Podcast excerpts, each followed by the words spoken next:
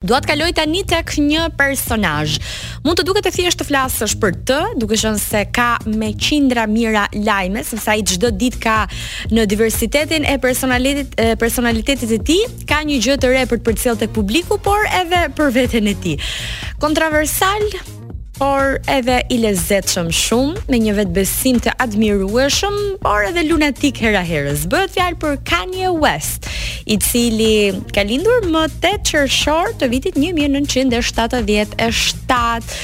Dhe ajo që është e lezetshme në fakt për Kanin, është fakti që ai këtë emër e ka emrin e tij të vërtetë. Ndryshe nga përqindja më e madhe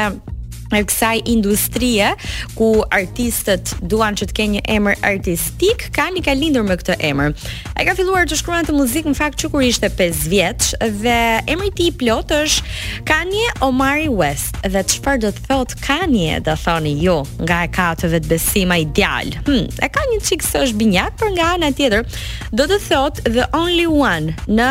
Swahili, që është një zonë që përcakton një mënyrë të foluri dhe një gjuhë në Kenia dhe në Tanzani, pra në Afrikën Lindore, ose ose God the Highest, pra Zoti më i lartë, Kani. Kështu që që aty janë të hershme fillesat e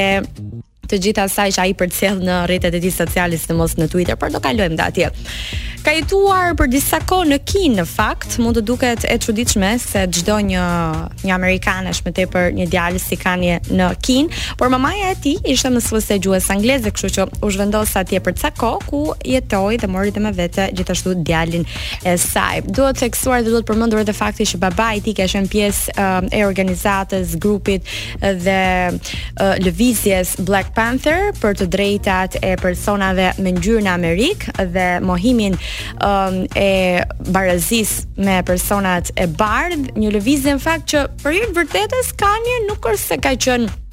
plotësisht dakord apo nuk ka patur mbështetjen më të madhe për sa i përket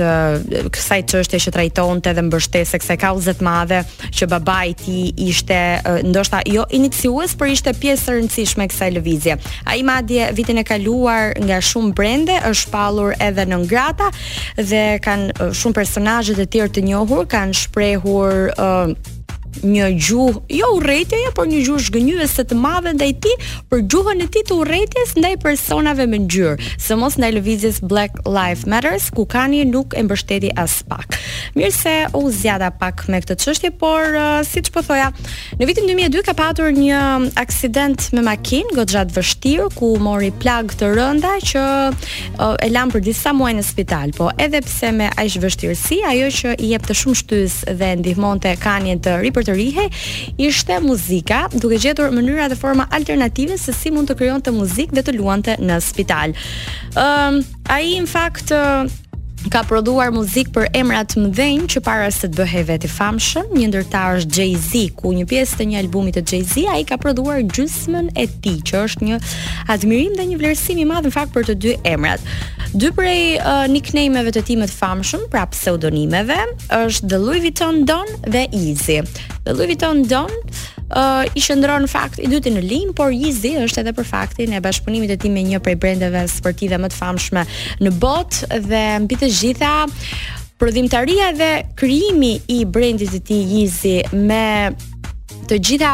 specialitetet e veta, të gjitha detajet dhe uh, idetë futuristike që ai ka patur për veshje dhe për çdo gjë që ka krijuar, e bënë markën sportive që të prodhonte bestsellers kudo nëpër botë, ë uh, të gjitha brendet e kësaj firme dhe të prodhuara nga Kanye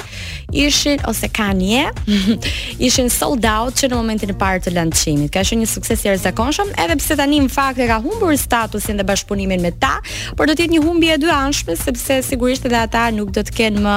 të drejtën e autorësisë së tij për të prodhuar ato produkte që shkonin edhe përtej imagjinatës dhe ishin aq për prej së ardhmes, aq uh, me përmasa dhe me forma alienësh që ka prodhuar atletet, veshjet dhe çdo gjë tjetër që bëri uh, botën të fantaksej pas tyre. Ka fituar në vitin 2017 International Man of the Year,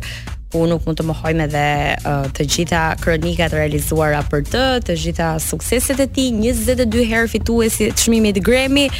Ëm um, çfarë dua të them Disa pika më kyçe për të. Uh, postimet e tij në Twitter janë madhështore, ai flet për veten në një mënyrë të pakonceptueshme, konsideron veten gjeni dhe mërzitet nëse nuk kupton një shaka sepse nuk mund ta konceptojë që ai nuk mund të kuptojë një shaka se e quan veten gjeni, do ta rrethojë veten me pasqyra për t'u rrethuar vetëm nga më të mirët. Ëm um, e dashuron akulloren, po aq sa dashuron Kanye Kanyen, dhe imagjinojeni sa e dashuron. Ka dy fëmijë me Kim Kardashian.